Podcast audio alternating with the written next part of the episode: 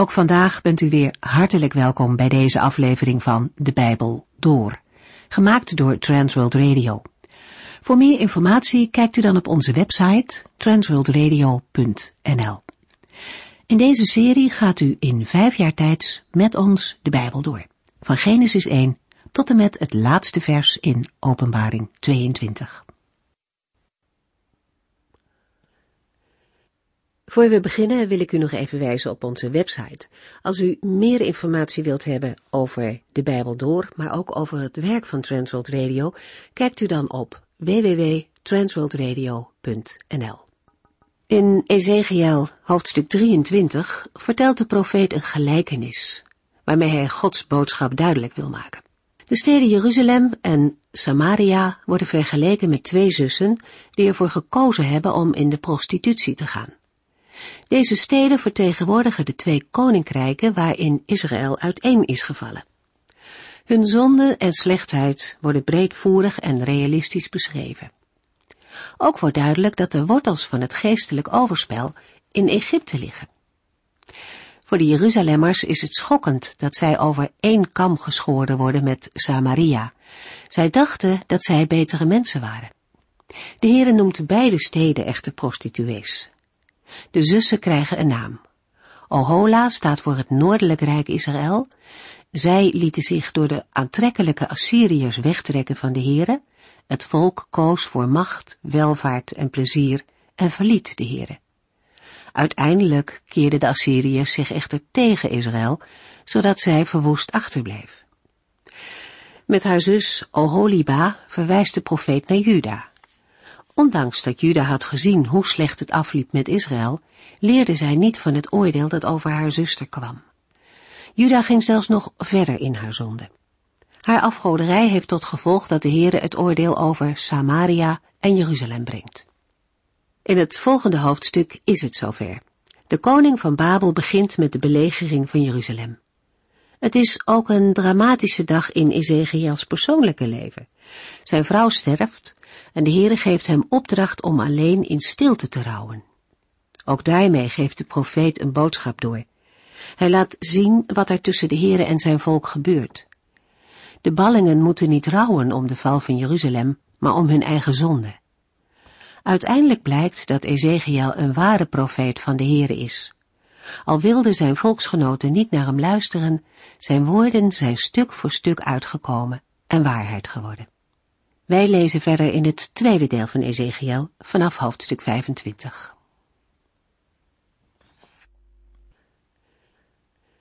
In Ezekiel 25 tot en met 34 vinden we de aankondigingen van de oordelen tegen de niet-Joodse volken rondom Israël. In Ezekiel 25, vers 1 tot en met 7 gaat het om Ammon. In de versen 8 tot en met 11 om Moab. In de versen 12 tot en met 14 om Edom. En in de versen 15 tot en met 17 om de Filistijnen. Ezekiel 25, vers 1 tot en met 4. Toen ontving ik opnieuw een boodschap van de Heere. Hij zei, Mensenzoon, kijk in de richting van het land Ammon en profeteer tegen het volk dat daar woont. Vertel hun, luister naar wat de oppermachtige Heere te zeggen heeft. Omdat u blij was toen mijn tempel werd verwoest, u Israël in haar ellende hebt bespot en Juda hebt uitgelachen toen het in gevangenschap werd weggevoerd, zal ik de Bedouinen, die ten oosten van u in de woestijn wonen, uw land laten innemen. Zij zullen hun tentenkampen te midden van u opzetten. Zij zullen al uw fruit plukken en eten en uw melkvee stelen. De Heere had ook al in Ezekiel 21 aan de Ammonieten het oordeel aangezegd. In Ezekiel 25 volgt een meer uitgebreide aanzegging. De Ammonieten waren via de geslachtslijn van Lot met Israël verwant. Zij woonden aan de oostzijde van de Jordaan en hadden vaak een vijandige houding ten opzichte van Israël. Ook in de tijd van Ezekiel was de verhouding meestal gespannen. Maar in 594 voor Christus kwamen ze samen met Juda in opstand tegen Babel. Toen Jeruzalem was gevallen, kozen de Ammonieten de kant van Babel en keerden zich tegen Juda. De blijdschap van de Ammonieten over de verwoesting van Jeruzalem en de wegvoering van de inwoners van Juda en Jeruzalem was op zijn minst misplaatst, omdat de Ammonieten Juda tot verzet tegen Babel hadden aangespoord. In wezen was Ammon zelf mee verantwoordelijk voor de ondergang van Jeruzalem en de wegvoering naar Babel. Daar komt nog bij dat de blijdschap uitloopt in een goddeloze voldoening over de vernietiging van de tempel. Net als de andere volken rondom Israël zijn de Ammonieten van mening dat de macht van Israëls God nu gebroken is. Maar de Heere zal hen overtuigen van het tegendeel en zijn oordeel op hen doen neerkomen. De Heere gaat ervoor zorgen dat de Bedouinen, die ten oosten van Ammon in de woestijn wonen, hun land innemen.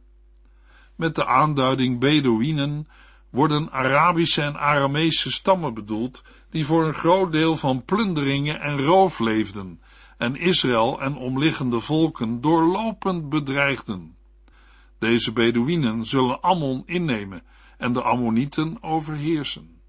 De Heere zegt, zij zullen hun tentenkampen te midden van u opzetten. Zij zullen al uw fruit plukken en eten en uw melkvee stelen.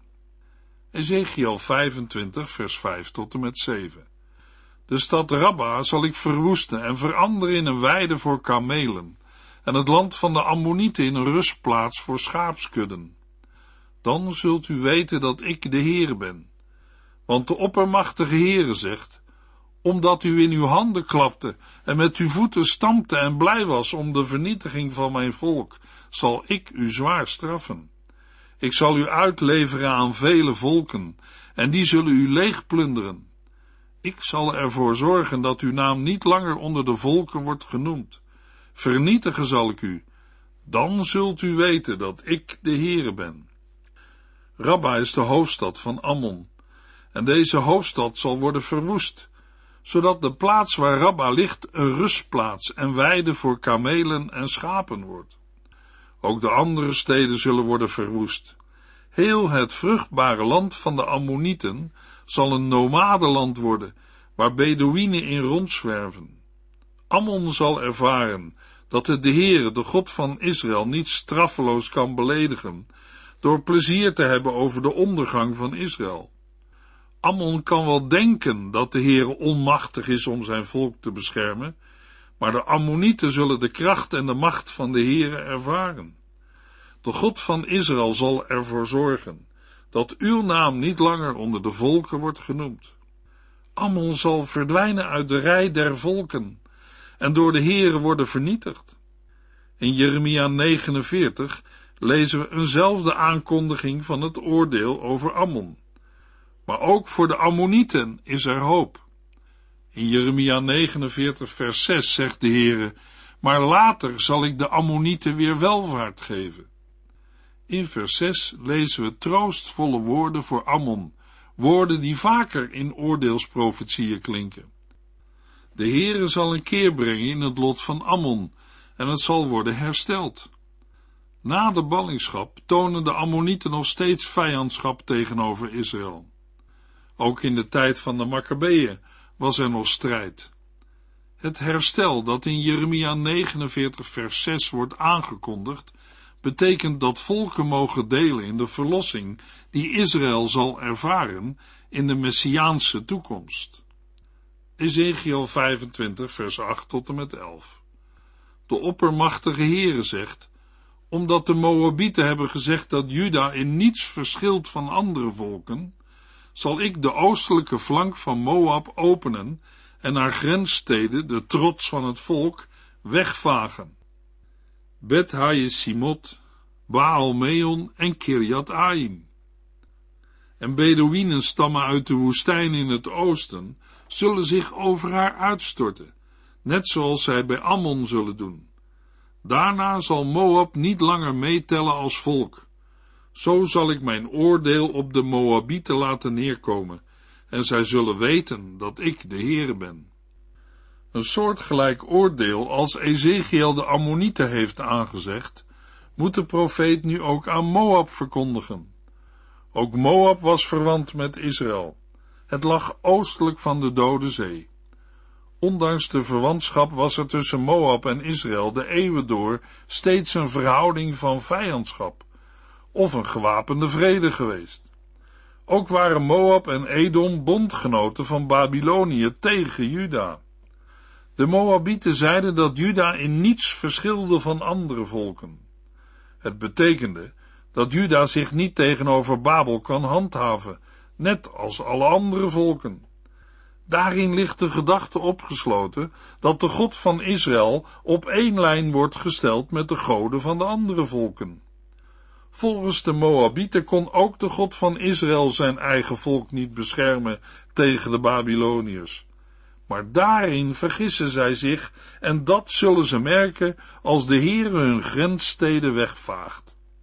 Aan de oostelijke flank van Moab lagen vestingen op de berghellingen. De trots van Moab. Oorspronkelijk was het gebied toegewezen aan de stam van Ruben. Moab is ook het land waar Rut vandaan kwam. Zij komt voor in de stamboom van koning David en daarmee staat zij ook in de stamboom van de Heer Jezus Christus. Ezekiel 25 vers 12 tot en met 14 En de oppermachtige Heere vervolgt, omdat het volk van Edom zo enorm heeft gezondigd, door zich te wreken op het volk van Juda, zal ik Edom met mijn vuist neerslaan en haar volk en al het vee uitroeien. Het zwaard zal alles, van Theman tot Dedan, verwoesten. Dit zal gebeuren door de hand van mijn volk Israël. Edom zal mijn vreselijke wraak aan de lijve ondervinden. Edom was een broedervolk van Israël, maar de verhouding tussen beide volken is nooit echt broederlijk geweest. Edom was altijd erg jaloers op Israël en regelmatig lagen ze met elkaar overhoop.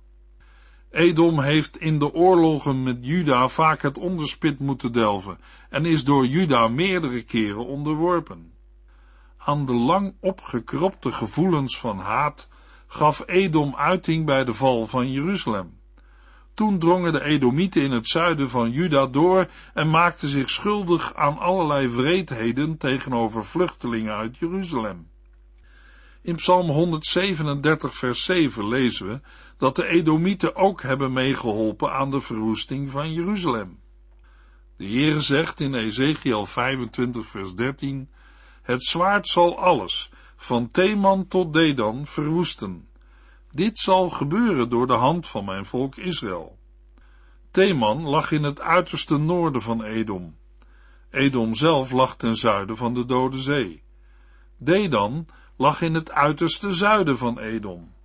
Het hele land van noord tot zuid zal aan verwoesting worden prijsgegeven. De Heere zegt dat Israël zelf hierin de hand zal hebben. In Obadja 1 vers 18 en 19b lezen we, Israël zal zijn als een vuur dat de stoppelvelden van Edom in brand steekt. Er zullen geen overlevenden in Edom zijn, omdat de Heer het zo heeft bevolen. Dan zal mijn volk dat in de Negev woont, het berggebied van Edom in bezit nemen. Ongeveer in 553 voor Christus is Edom door een Babylonische koning overvallen. Later werd het door de Arabieren verwoest. In de tijd van de Maccabeeën is Edom door Israël geheel veroverd. Ezekiel 25 vers 15 tot en met 17 En de oppermachtige Heere zegt, omdat de Filistijnen zich uit eeuwenoude vijandschap hebben gewroken op Juda, zal ik hen zwaar straffen. De Cretenzen zal ik wegvagen en de kustbewoners zal ik volledig vernietigen. Ik zal wraak nemen en hen zwaar straffen voor wat zij hebben gedaan. En wanneer dit gebeurt, zullen zij weten dat ik de Heer ben. De Filistijnen waren afkomstig van Kaftor of Kreta en van Indo-Germaanse afstamming. Ze hadden zich al vroeg gevestigd langs de kust van de Middellandse Zee, ten zuiden van Juda. Israël heeft in de dagen van de rechters en van de koningen Saul en David veel oorlogen met de Filistijnen gevoerd. De Filistijnen zijn door David aan Israël onderworpen, maar kregen later weer meer zelfstandigheid. In die periode hebben de Filistijnen steeds geprobeerd zich op Israël te wreken. Ook de Filistijnen hadden leedvermaak over de verwoesting van Jeruzalem.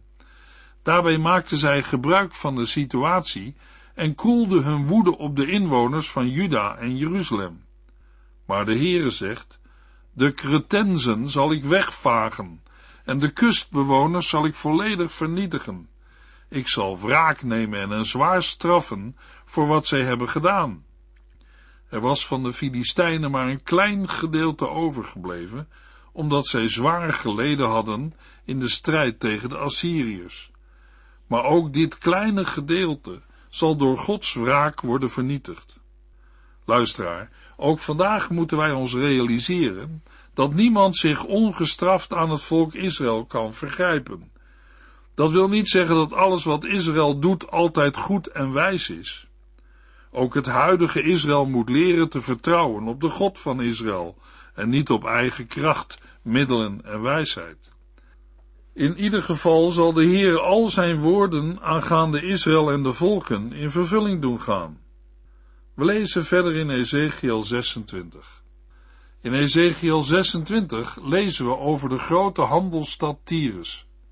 Net als de kleinere buurlanden van Israël, heeft ook de grote stad Tyrus, dat ten noorden van Israël ligt, met leedvermaak naar de ondergang van Jeruzalem gekeken. Maar haar onheilige blijdschap zal spoedig omslaan in een ellendige klaagzang, want het oordeel van de Heere zal haar treffen. De koning van Babel zal tegen Tyrus optrekken, haar innemen en zo radicaal verwoesten dat er niets meer van overblijft. De Heere zegt in Ezekiel 26 vers 20, uw stad zal erbij liggen als een oude ruïne, een dode stad, net als zij in de onderwereld die al lang geleden het dodenrijk betraden.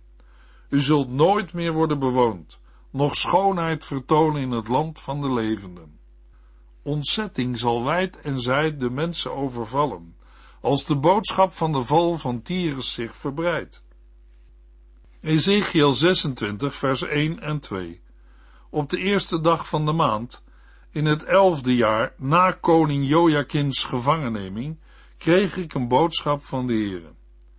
Mensenzoon, Tyrus was blij om de val van Jeruzalem en riep, ha, de stad die de winstgevende Noord-Zuid handelsroutes langs de kust en langs de Jordaan beheerste, is gevallen. Nu kan ik mijn gang gaan. Zij is verwoest en nu kan ik haar winsten overnemen. Het elfde jaar na de wegvoering in 597 voor Christus is het jaar 586 voor Christus. Hoewel ook Tyrus met Jeruzalem tegen Babel had samengespannen, denkt het reden tot blijdschap te hebben als Jeruzalem wordt verwoest. Tyrus verwacht van de ondergang van Jeruzalem te profiteren.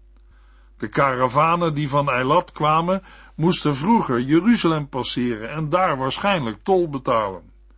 De Noord-Zuid handelsroutes maakten van Jeruzalem de deur naar de volken.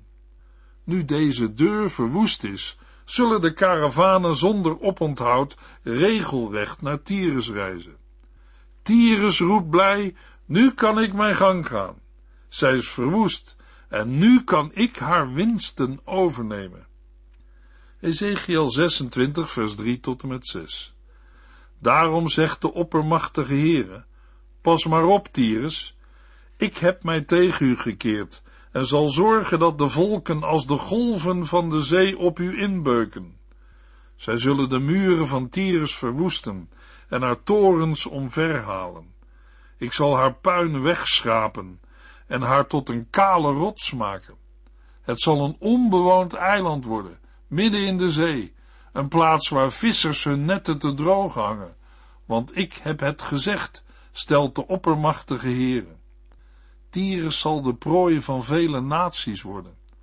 En haar dochtersteden op het vasteland zullen met het zwaard worden verwoest. Dan zal zij weten dat ik de Heer ben. De vele volken of vele naties zullen zeker naar Tyrus komen, maar niet met vreedzame bedoelingen. De Heere zal die vele volken tegen Tyrus doen oprukken.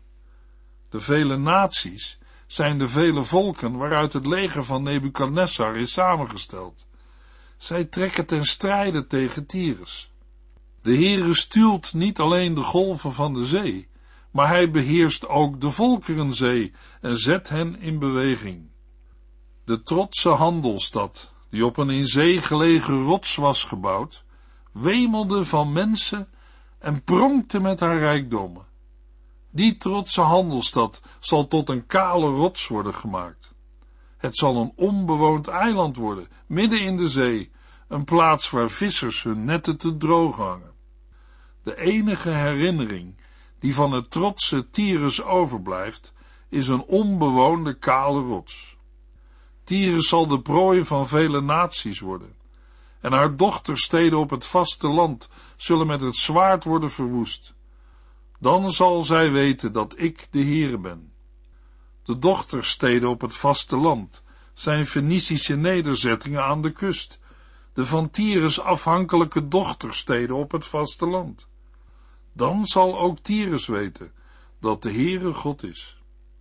Ezekiel 26 vers 7 tot en met 14 Want de oppermachtige Heere zegt, ik zal Nebukadnessar, de grote koning van Babel, tegen Tyrus laten optrekken met een groot leger, ruiters en strijdwagens. Eerst zal hij uw dochtersteden verwoesten, en daarna zal hij uw stad op het vasteland aanvallen, door er een belegeringswal en een dak van schilden tegenaan te zetten. Hij zal met stormrammen tegen uw muren beuken en met voorhamers uw torens afbreken. De hoeven van zijn paarden zullen de stad in stofwolken hullen en de muren zullen beven als de paarden door uw verwoeste poorten galopperen, met strijdwagens achter hen aan. De ruiters zullen door de straten van de stad stormen en uw inwoners afslachten. Uw beroemde hoge pilaren zullen wankelen en neerstorten. Zij zullen uw rijkdommen en uw koopwaar plunderen en uw muren met de grond gelijk maken. Zij zullen uw mooie huizen verwoesten en uw stenen, balken en puin in zee storten. Ik zal een einde maken aan uw muziek en liederen. De klank van de harpen zal nooit meer in uw midden worden gehoord. Ik zal van uw eiland een kale rots maken, een plaats waar vissers hun netten drogen, en nooit zal u meer worden opgebouwd, want ik, de Heere, heb het gezegd. Ezekiel legt sterke nadruk op het feit dat Nebukadnessar niets anders doet dan uitvoeren wat de oppermachtige Heere heeft gezegd. Nebukadnessar is een middel in Gods hand om Tyrus te straffen. De koning van Babel begint de aanval op Tyrus met de verovering van de dochtersteden op het vasteland. Bij de aanvallen op de dochtersteden worden verschillende veroveringstechnieken gebruikt. Dan volgt de aanval op het eiland voor de kust.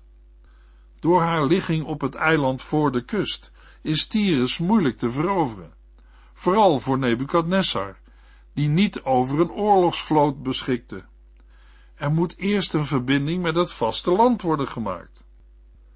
Van Alexander de Grote vermeldt de geschiedenis dat hij in het jaar 332 voor Christus zo'n dam heeft aangelegd. De woorden in Ezekiel 29 vers 18 wijzen waarschijnlijk ook in de richting van een dam. Mensenzoon, het leger van koning Nebukadnessar van Babel voerde een hevige strijd tegen Tyrus. De hoofden van de soldaten waren kaal en hun schouders waren ontveld en deden pijn door het dragen van zware manden met aarde en door de ladingen stenen die nodig waren voor het beleg. De beschrijving van de intocht met paarden en wagens in de veroverde stad veronderstelt dat er ook daadwerkelijk een verbinding met het vasteland tot stand is gebracht. De woorden, uw beroemde hoge pilaren zullen wankelen en neerstorten, hebben waarschijnlijk betrekking op de zuilen voor of in de tempel van Melkart, de Baal van Tyrus, waarvan de ene zuil van goud was en de andere van smaragd. Bij de plundering en verwoesting die op de inname van Tyrus volgt, worden de rijkdommen geroofd en de pracht van de trotse handelsstad verwoest. Er klinkt geen muziek meer en er wordt niet meer gezongen. Later is er nog wel sprake van een stad die de naam Tyrus draagt, maar deze bevond zich op het vasteland. Ezekiel 26, vers 15 tot en met 21. Het hele kustgebied zal beven door uw val. De gewonden zullen schreeuwen, terwijl de slachtpartij doorgaat.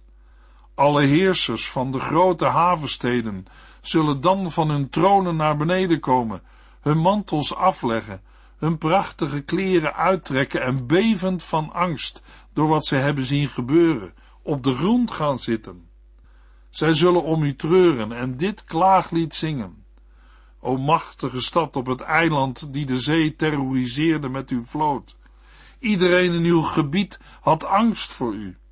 De eilanden beven door uw val. Verbijsterd kijken zij toe. Want de oppermachtige Heere zegt, ik zal Tyrus met de grond gelijk maken. Vreselijke golven zullen over u heen slaan. De zee zal u opslokken.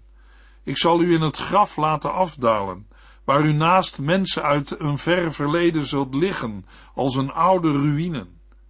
Een dode stad, net als zij in de onderwereld, die al lang geleden het dodenrijk betraden.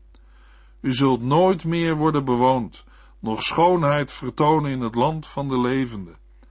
Ik zal u tot een afschrikwekkend voorbeeld maken. U zult voorgoed verdwijnen. U zult worden gezocht, maar niemand zal u ooit kunnen terugvinden, zegt de oppermachtige Heere. In het hele kustgebied zal de dreun van de val van Tyrus bekend worden. De verslagenheid wordt door iedereen gevoeld, van hoog tot laag. De macht en rijkdom van Tyrus is verdwenen. De zee heeft haar overspoeld. De zee die zij vroeger met haar schepen had bevaren en de bron van haar welvaart en rijkdom. Tyrus blijft als een afschrikwekkend voorbeeld in de herinnering voortleven. In de volgende uitzending zingt Ezekiel een klaaglied over Tyrus. U heeft geluisterd naar De Bijbel Door, in het Nederlands vertaald en bewerkt door Transworld Radio. Een programma waarin we in vijf jaar tijd de hele Bijbel doorgaan. Als u wilt reageren op deze uitzending of u heeft vragen, dan kunt u contact met ons opnemen. Tijdens kantooruren kunt u bellen op 0342 47 8432. 0342 47 8432. Ook kunt u een e-mail sturen naar de transworldradio.nl en natuurlijk kunt u ook via de post ons bereiken. TWR, postbus 371, postcode 3770, AJ in Barneveld. Dit programma werd gepresenteerd door Cor Weda en Ike André. Techniek was in handen van Odin van Voerkom. En wij allemaal bedanken u voor het luisteren. Graag tot de volgende keer.